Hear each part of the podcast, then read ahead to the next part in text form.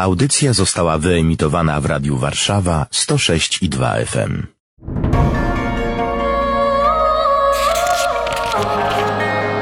Księga. Księga. Księga.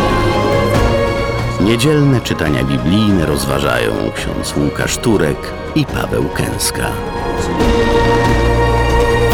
Niech będzie pochwalony Jezus Chrystus. Na wieki wieków amen. Świętą Księgę jak co tydzień dla Państwa otwierają Ksiądz Łukasz Turek. i Paweł Kęska. Ta księga to jest księga życia. My nie tylko przez swoje życie podróżujemy tą księgą, ale w ogóle przez człowieczeństwo jako takie. Tu są najważniejsze pytania i najważniejsze odpowiedzi. Trwamy wciąż w Wielkim Poście. Ten post niesłychany, bo popiół się sypie po prostu na głowę zewsząd. Można się też przyzwyczaić do, do życia w trybie kryzysowym, że złe informacje już nie robią wrażenia, że codziennie podejmowane wysiłki już generalnie są normą, tak jakby nic się nie miało wydarzyć. Ale zbliżamy się do zmartwychwstania. I dziś te czytania mówią, że może się coś nowego wydarzyć, ale trzeba być gotowym. Przede wszystkim dzisiaj będziemy zachęceni do tego, żeby umieć to wszystko, co odkrywamy w Wielkim Poście, co odkrywamy w naszym życiu, zostawić za sobą, oddać to Jezusowi i pójść do przodu. Jezus otwiera przed nami zawsze nowe perspektywy i o tym będą te czytania nam mówiły. I zaczynamy od czytania z księgi Izajasza, rozdział 43, wers od 16 do 21.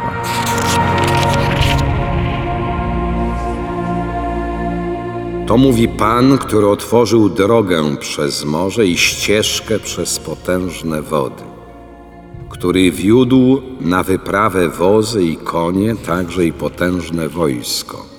Upadli, już nie powstaną, zgaśli jak knotek, zostali zdmuchnięci. Nie wspominajcie wydarzeń minionych, nie roztrząsajcie w myśli dawnych rzeczy. Oto ja dokonuję rzeczy nowej. Pojawia się właśnie. Czyż jej nie poznajecie? Otworzę też drogę na pustyni, ścieżyny na pustkowiu. Sławić mnie będą zwierzęta polne, szakale i strusie, gdyż na pustyni dostarczę wody i rzek na pustkowiu, aby napoić mój lud wybrany, lud ten, który sobie utworzyłem opowiadać będzie moją chwałę.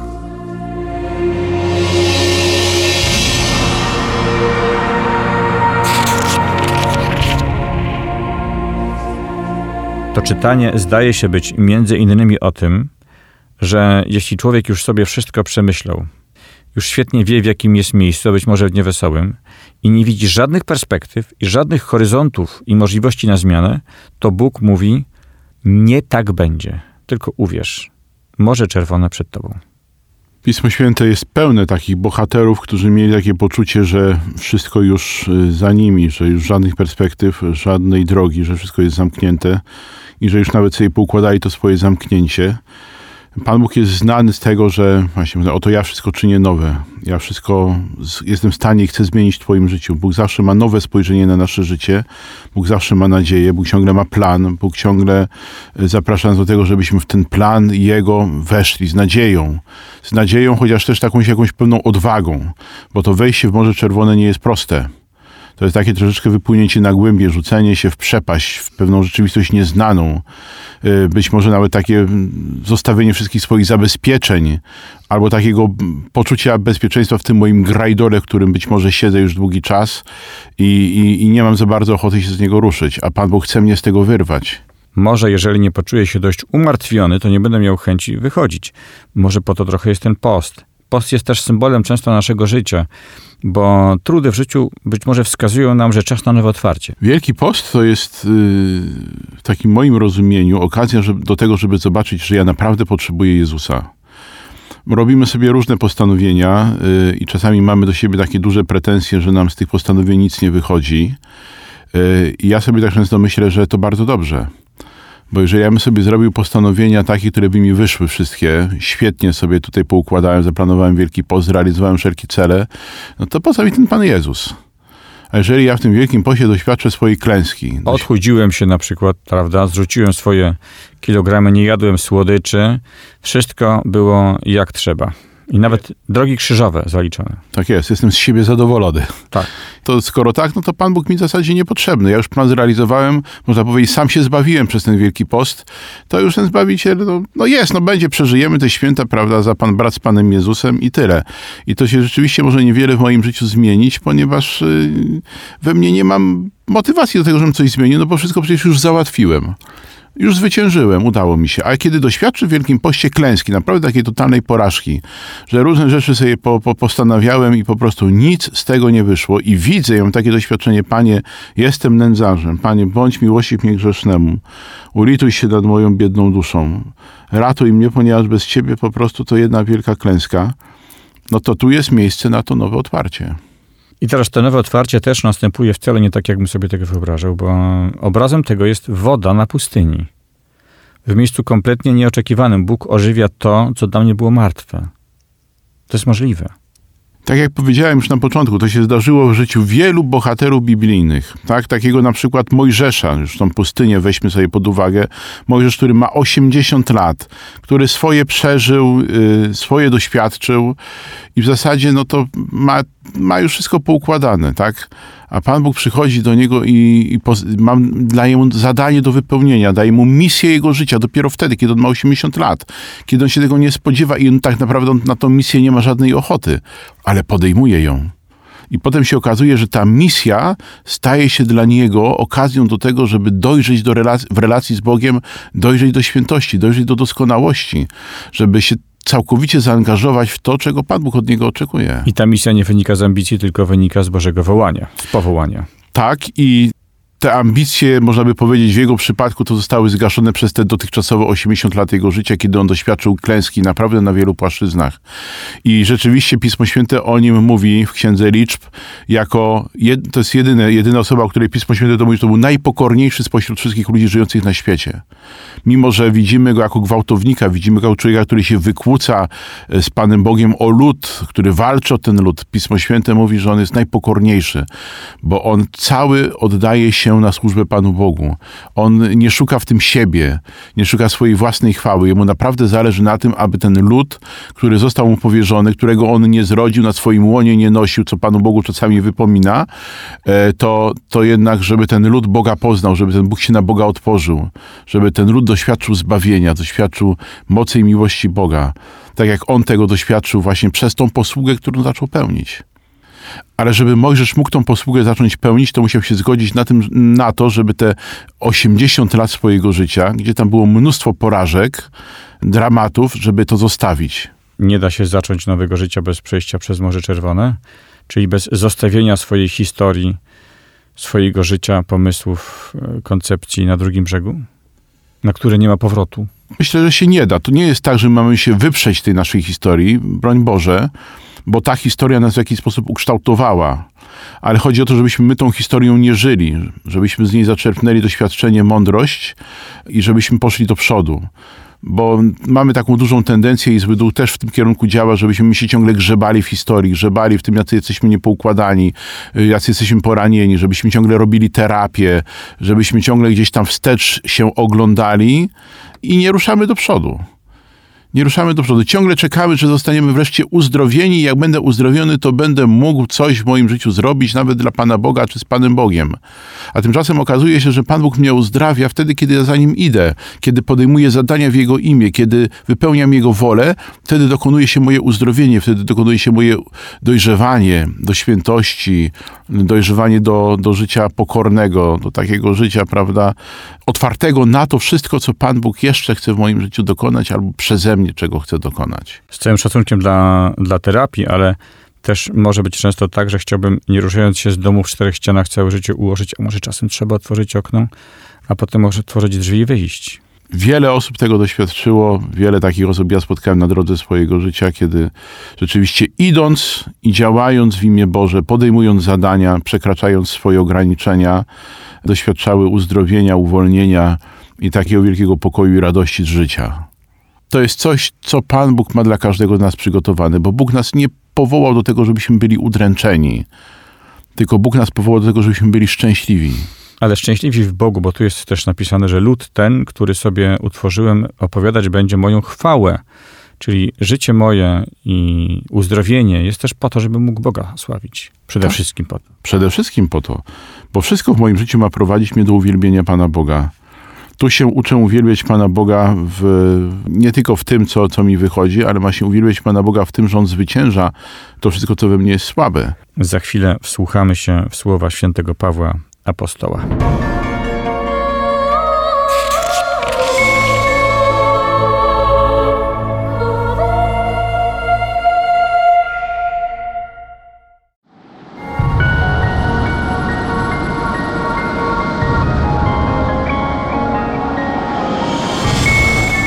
Czytanie z listu świętego Pawła Apostoła do Filipian, rozdział trzeci, wers od 8 do 14.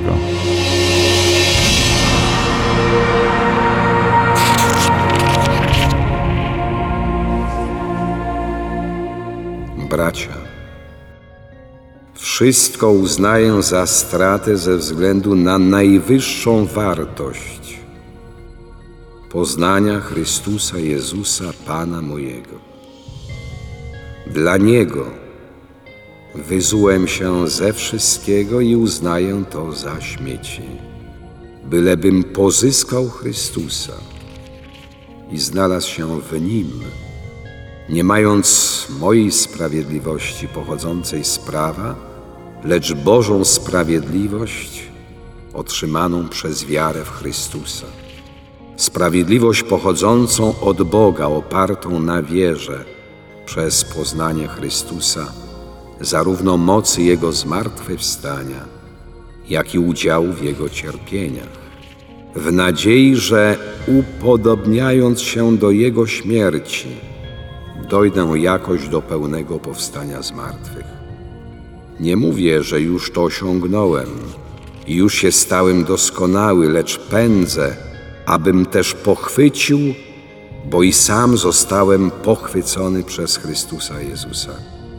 Bracia, ja nie sądzę o sobie samym, że już pochwyciłem, ale to jedno czynię, zapominając o tym, co za mną, a wytężając siły ku temu, co przede mną. Pędzę ku wyznaczonej mecie, ku nagrodzie, do jakiej Bóg wzywa w górę Chrystusie Jezusie.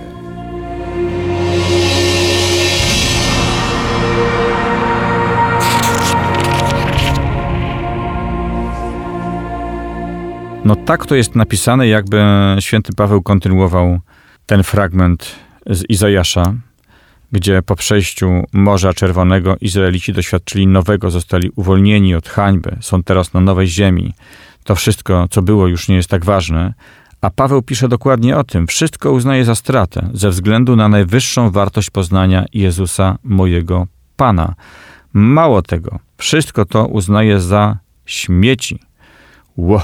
To pomyślmy sobie teraz, jak siedzimy w swoich domach, czy w samochodach, gdziekolwiek jesteśmy, co mamy dookoła i kim jesteśmy i uznajmy to za śmieci. Ze względu na najwyższą wartość poznania naszego Pana, mojego Pana, mojego Pana, Jezusa Chrystusa. Czyli jak poznam Chrystusa, to automatycznie w moich oczach świat, świat zmienia wartość, przewartościowuje się. To wszystko zależy od tego, jak ja tego Jezusa poznam, na ile się na Niego otworzę.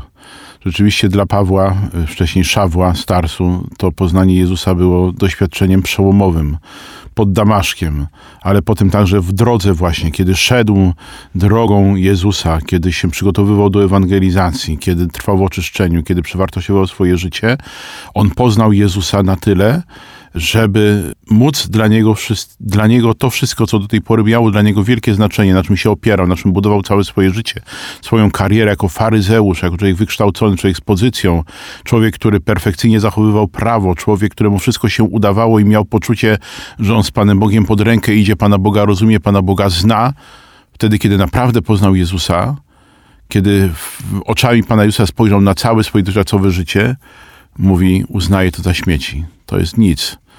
Wszystko teraz streszcza się w tym, jaki jest plan Pana Boga, plan Jezusa co do mojego życia, co On dla mnie przygotował.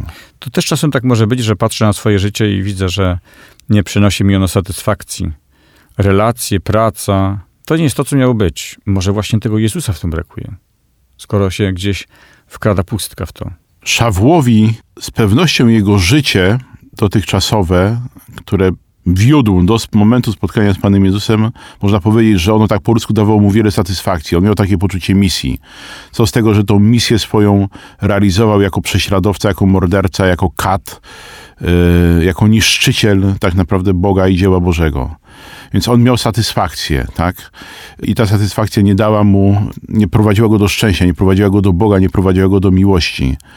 U nas może być tak, że mamy jakieś takie doświadczenie w swoim życiu pewnej przegranej klęski, ono to mi nie daje satysfakcji, to moje życie i może się okazać, że właśnie paradoksalnie to, że mi nie, w życiu różne sprawy nie wychodzą, nie układają się, że ja zostałem jakoś tam zraniony, no, że jestem, prawda, człowiekiem, który gdzieś tam tej klęski w swoim życiu doznał, paradoksalnie to może być właśnie motorem do tego, żeby otworzyć się na nowo na Jezusa, żeby przyjąć Go do swojego życia.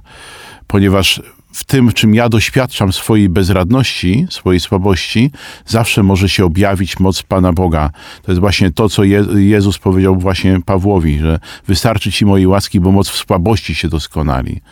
Ale żebym ja mógł tą moc Boga przyjąć, na tą moc Boga się otworzyć, na moc Jezusa się otworzyć, to rzeczywiście muszę uznać w pewnym sensie swoją bezradność wobec siebie samego, wobec mojego grzechu, czy wobec okoliczności mojego życia, że ja jestem bezradny i to jest coś, co stawia mnie w relacji do Pana Boga, bo jeżeli ja skupię się tylko na tym, że mi nie wychodzi i będę kontemplował moją klęskę, moją porażkę i będę ciągle smutny z tego powodu, że moje życie mi się nie udało, no to to nie pozwala mi pójść naprzód. Bo tak naprawdę jest to cały czas tkwienie w jakimś grajdole, w jakimś bagnie. Samotności w jakiejś samotności, tak, w jakimś ego, egocentryzmie takim, e, bo ja jestem tutaj, prawda, ten cały nieszczęśliwy, e, a Pan Bóg jest gdzieś daleko, prawda, Bóg się mną nie interesuje. Dlatego w całej tej e, rzeczywistości nędzy, grzechu, słabości, bardzo ważne jest to, żeby podnieść oczy i popatrzeć się na Jezusa. Czyli kiedy widzę Go, to wszystko może zszarzeć, bo On jest tym, który jest i ja dzięki miłości, którą On mnie kocha, zyskuje wartość. Tak, on chce przede wszystkim właśnie tego, żebym ja doświadczył jego miłości, doświadczył tego, że jestem kochany, bez względu na to, co się dzieje aktualnie w moim życiu. Miłość Boga jest większa niż zło, które mnie dotyka, niż zło, które czynię, niż to, jak ja na siebie patrzę. Miłość Boga jest większa. I Bóg całą tą miłość wylewa na mnie. Paweł pisze o tym, że dojdzie do pełnego powstania z martwych dzięki mocy zmartwychwstania Jezusa i udziału w Jego cierpieniach, ba, nawet w Jego śmierci. Czyli to, co najbardziej mnie przeraża, moja śmierć, nawet to mogę zanurzyć w Jego śmierci. My jesteśmy już zanurzeni w śmierci Jezusa i bardzo często o tym zapominamy. Chrzest nas zanurzył w mękę, śmierć Jezusa i w Jego zmartwychwstanie. My już też, Pismo Święte nam powie, my, Paweł zwłaszcza mówi też, my już umarliśmy z Chrystusem, ale też z Chrystusem już powstaliśmy z martwych, tak? Y, jesteśmy w Nim zanurzeni i już mamy udział w tej tajemnicy Jego zwycięstwa nad tym wszystkim, co jest słabe. Ważne jest to, co Paweł tutaj próbuje nam też przekazać, żebym ja był cały czas otwarty na to, co przede mną. Że nawet jeżeli ja w tym momencie mojego życia idę za tym Panem Jezusem, jakoś Go naśladuję, pełnię Jego wolę, to żebym nie miał takiego poczucia, że już osiągnąłem, już zdobyłem, już się nic więcej nie może wydarzyć, już nic więcej Pan Bóg nie ma mi do zaproponowania. Bo Paweł tutaj mówi, ja nie twierdzę, że ja już sam, że już to zdobyłem ale to jednocześnie, zapominając o tym, co za mną, a wytężając siły ku temu, co przede mną, pędzę ku wyznaczonej mecie, ku nagrodzie, do jakiej Pan Bóg mnie wzywa w Jezusie. Czyli ja jestem w drodze i cały czas jestem w drodze i muszę o tym ciągle pamiętać. Ja będę w drodze do samego końca mojego życia. I w tej drodze idę z Jezusem i za Jezusem i zwycięstwo, które się we mnie dokonuje nad każdym przejawem mojej słabości, nad każdym złem, które mnie dotyka, ono się dokonuje właśnie mocą Jezusa mocą Jezusa, nie moją własną. Na czym to polega bycie w tej drodze? Czy to polega na tym, że ja widząc, co mam zrobić danego dnia, kim jestem, z kim będę się spotykał, mam powiedzieć, dobra, nie moja wola, Panie, weź Ty sobie, działaj w tym wszystkim, tak? To, to ja się tak przełączam na, na Jezusa i do tej mety idę. Czy o co w tym chodzi? No bo jestem po chrzcie, prawda? Chodzę do spowiedzi, przystępuję do komunii. No to co więcej mam zrobić? Pan Bóg za mnie życia nie przeżyje. Czasami mamy takie, takie oczekiwania, że ja po prostu taki mnie, Panie Boże, stworzyłeś, to takim mnie masz, to ja sobie siedzę, a teraz Ty mnie zbaw. prawda? Więc nie, Pan Bóg za mnie życia nie przeżyje, Pan Bóg za mnie decyzji nie podejmie, to ja mam to zrobić. Dał mi Pan Bóg wolną wolę i nie zamierzam jej odbierać, nawet jeżeli uczynię go moim Panem i Zbawicielem. Natomiast ważne jest to, żebym ja uczył się i cały czas gdzieś tam to z tyłu głowy miał, yy, myśleć i pamiętać o tym, że w moim życiu towarzyszy mi Bóg. On jest moim Panem, to On mnie prowadzi. Więc ja jestem nastawiony na słuchanie, na odbiór tego, co On chce mi powiedzieć. Zadaję Mu pytania, powierzam Mu siebie, mówię, Panie Boże, mam do zrobienia dzisiaj to i to, chcę, żebyś był w tym obecny. Jeżeli to jest rzeczywiście Twoja wola, pobłogosław mi w tym. Pomóż mi wybierać jak najlepiej, moją, moje zadanie, moją pracę wypełnić jak najlepiej, moje obowiązki stanu wypełnić jak najlepiej dzisiaj. Pomóż mi, poprowadź mnie. To jest to.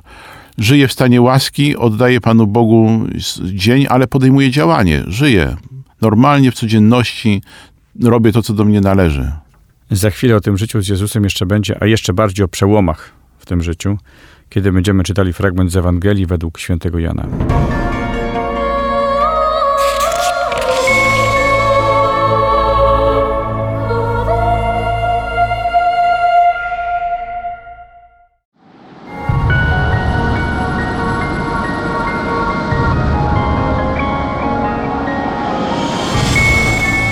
Słowa z Ewangelii według świętego Jana, rozdział 8, wersy od 1 do 11.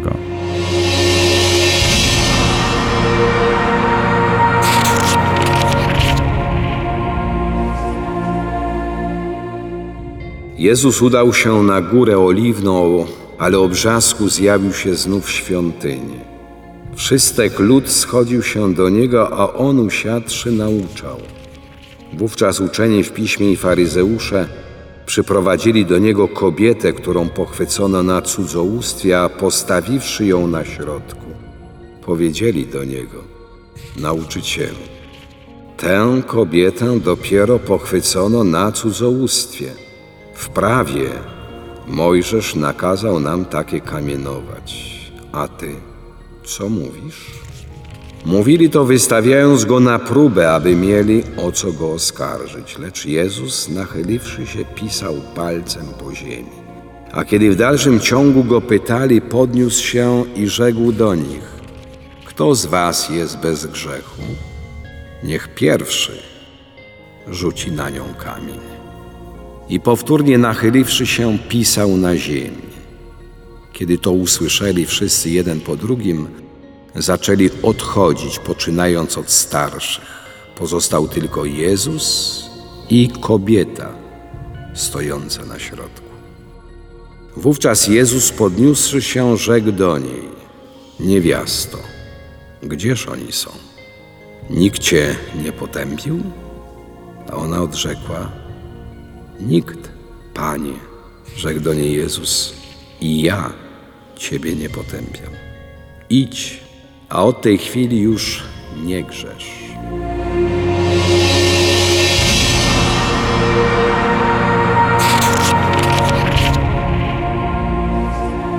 Ten obraz wydaje się prosty, ale jest w nim wiele ciekawych słów i sformułowań, które czasem doprecyzowują, czasem zmieniają znaczenie. Na przykład coś takiego – że ci, którzy usłyszeli te słowa, odchodzili, wszyscy odeszli, poczynając od starszych. Starsze życie zna. Jak już niespecjalnie da się oszukać, może mniej da się go zmanipulować. On wie, czy ma grzech, czy nie. Wie, że ma, więc odchodzi. Tylko właśnie w ferworze walki, kiedy my na coś się napalimy, prawda, e, zaczniemy, prawda, rozglądać się wokół siebie i ten grzech dostrzegać u innych, to mamy tendencję, żeby zapomnieć, że ja rzeczywiście y, sam mam problem. Że ja sam mam problem. I ten problem jest niezałatwiony, nieuregulowany z Panem Bogiem. I myślę, że takie słowa jak te, które Pan Jezus tutaj wypowiada, kto z Was jest bez grzechu, to są te słowa, które y, ciągle powinniśmy sobie w uszy wkładać, bo, bo Pan, Pan je do nas ciągle wypowiada. Kto z Was jest bez grzechu, niech pierwszy rzuci kamieniem. Bo osądzamy bardzo wiele osób bardzo wiele osób nam się nie podoba, irytują nas, prawda, męczący są. I skupiamy się często na tym, że wokół jest źle, że inni są źli, że źle postępują, że nie tak. No dobra, a jaka jest prawda o moim sercu? Jaka jest prawda o mnie? Czy ja jestem w porządku względem Boga i względem moich bliźnich? Czy ja zawsze postępuję dobrze? Dla kogo ja jestem męczący? Kto nie może znieść mojego towarzystwa już? Kto ma dość mojego gadulstwa? Takie pytania potrafią, prawda, stać się też momentem jakimś przełomowym. Może to niewielki przełom, a może większy przełom, bo mogę trzeźwiej spojrzeć na siebie i może z, większą, z większym zrozumieniem y, i akceptacją spojrzeć także na tych ludzi, którzy na co dzień nie pasują mi z różnych powodów. No właśnie, bo ci, którzy odeszli, tak naprawdę, zachowując jakieś resztki uczciwości, bo przecież nie udawali, że są bez grzechu, to oni mogliby wyjść na środek. Tak samo potrzebują przebaczenia.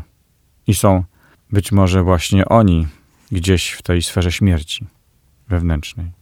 Tak, są w sytuacji tej, tej kobiety tak naprawdę. Każdy z nas jest w sytuacji tej kobiety cudzołożnej. Myślę, że każdego z nas można byłoby tam postawić i znaleźliby się ludzie, którzy by nas oskarżyli i wytknęli palcem nam nasze grzechy, bo nie ma sytuacji idealnych. Jest bardzo możliwe, że za naszymi plecami y, o nas różne rzeczy ludzie mówią i nasze grzechy po imieniu nazywają. I teraz, kiedy ja sobie uświadomię, że moje serce jest równie poranione i słabe jak tych wszystkich innych braci i sióstr, których mam wokół siebie, że ja sam potrzebuję przebaczenia Bożego, to wtedy jestem w stanie to przebaczenie Boże przyjąć. Ona została z Jezusem sama, nie było tam innych ludzi. Ja myślę, że często my też myśląc o Bogu, o wierze, mamy wokół siebie mnóstwo ludzi, nawet w myślach naszych. Jesteśmy od kogoś zależni, z kimś związani, dokąd idziemy, kimś się opiekujemy. Cały czas myślimy o kimś. To ważny moment, być z Jezusem sam na sam, a szczególnie, kiedy mamy do wypowiedzenia najtrudniejsze rzeczy. Najcięższy grzech, najcięższą niewolę, ciemność. Pan Jezus w Ewangeliach często y, różnych ludzi brał na bok, brał osobno. Nie chciał zbiegowiska, nie chciał tłumu, z dala od tłumu, nie wpuszczał nikogo do tych miejsc, gdzie można by być jakaś sensacja się wydarzyć, czy coś takiego mogło być odebrane. Te miejsca osobne były miejscem działania, bo Jezusowi zależy na tym, żeby wejść z nami w bardzo osobistą relację. Jezusowi zależy na tym, żeby dotknąć naszego serca, dotknąć istoty naszego problemu. I to się gdzieś dokonuje w naszym spotkaniu z Nim, właśnie w samotności, e, z dala już od ludzi, z dala od zgiełku.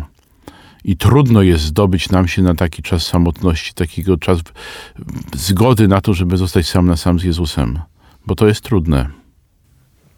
Ja też myślę, że często w spotkaniu z Bogiem, czy w myśleniu o tym spotkaniu mamy taką perspektywę, uff, oby mnie nie potępił, oby, oby mnie, oby nie zobaczył, jaki jestem, o może bardziej.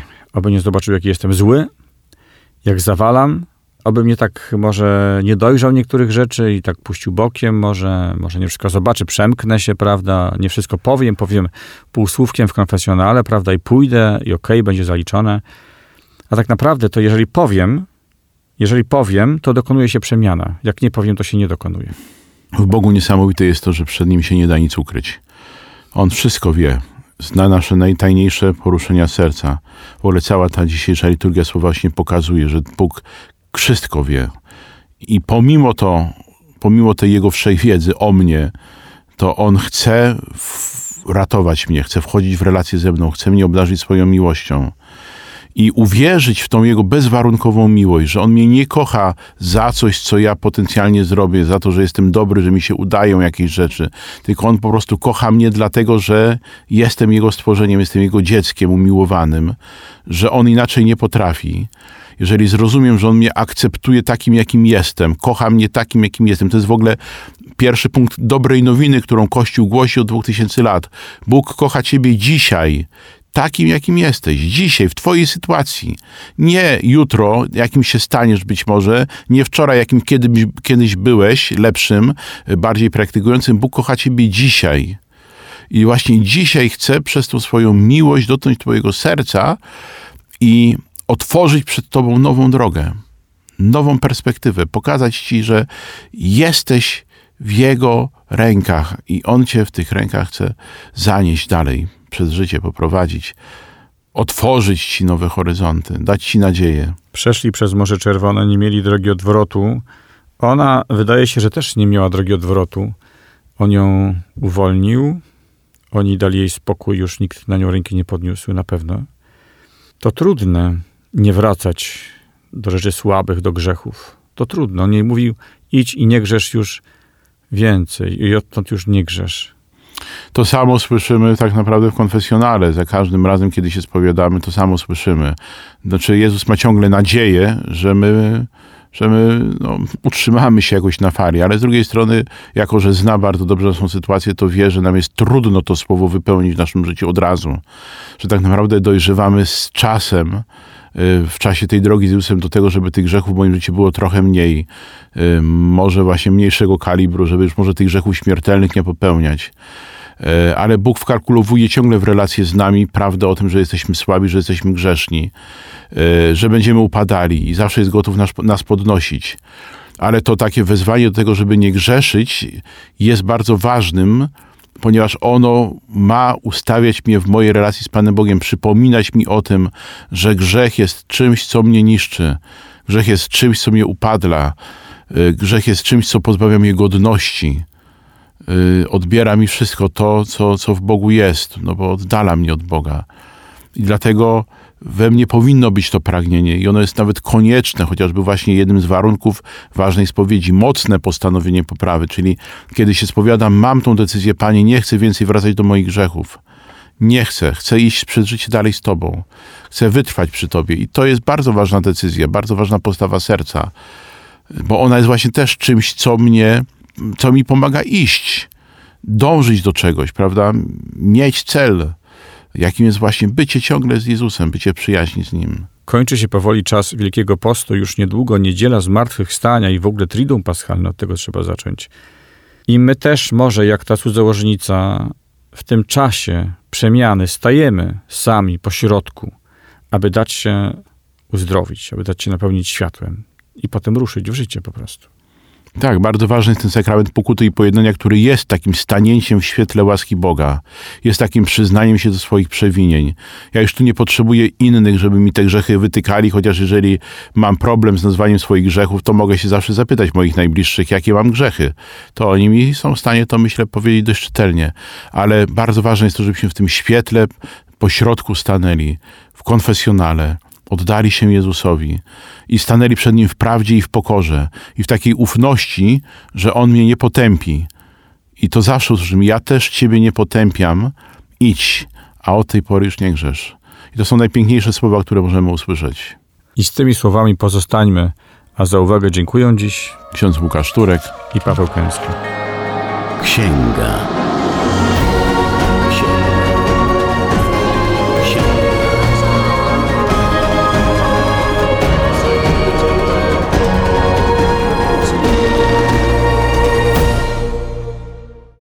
Radio Warszawa nagrywa i udostępnia nieodpłatnie audycje takie jak ta.